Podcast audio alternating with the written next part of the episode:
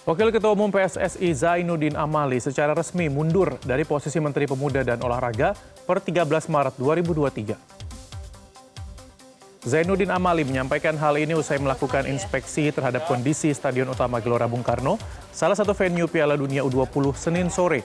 Status Amali resmi sebagai mantan Menpora usai bertemu dengan Presiden Joko Widodo di Bali pada Senin pagi. Dengan mundurnya Zainuddin Amali dari posisi Menpora, maka otomatis jabatan Ketua Inafok, panitia penyelenggara Piala Dunia U20 akan diserahkan pada Menpora yang baru.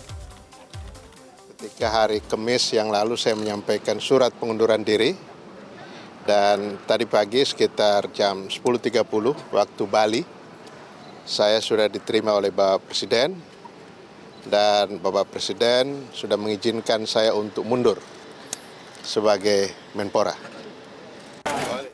Sementara itu hingga Senin sore, Presiden RI Joko Widodo belum memutuskan pengganti Zainuddin Amali yang mundur sebagai Menteri Pemuda dan Olahraga.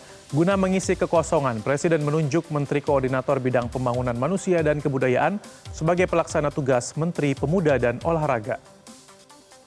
Ya, Menpora tadi pagi sudah bertemu saya, surat pengunduran dirinya sudah sampaikan di Seknek dan tadi saya sudah menyetujui. Kalau untuk penggantinya siapa Pak? Penggantinya Pak?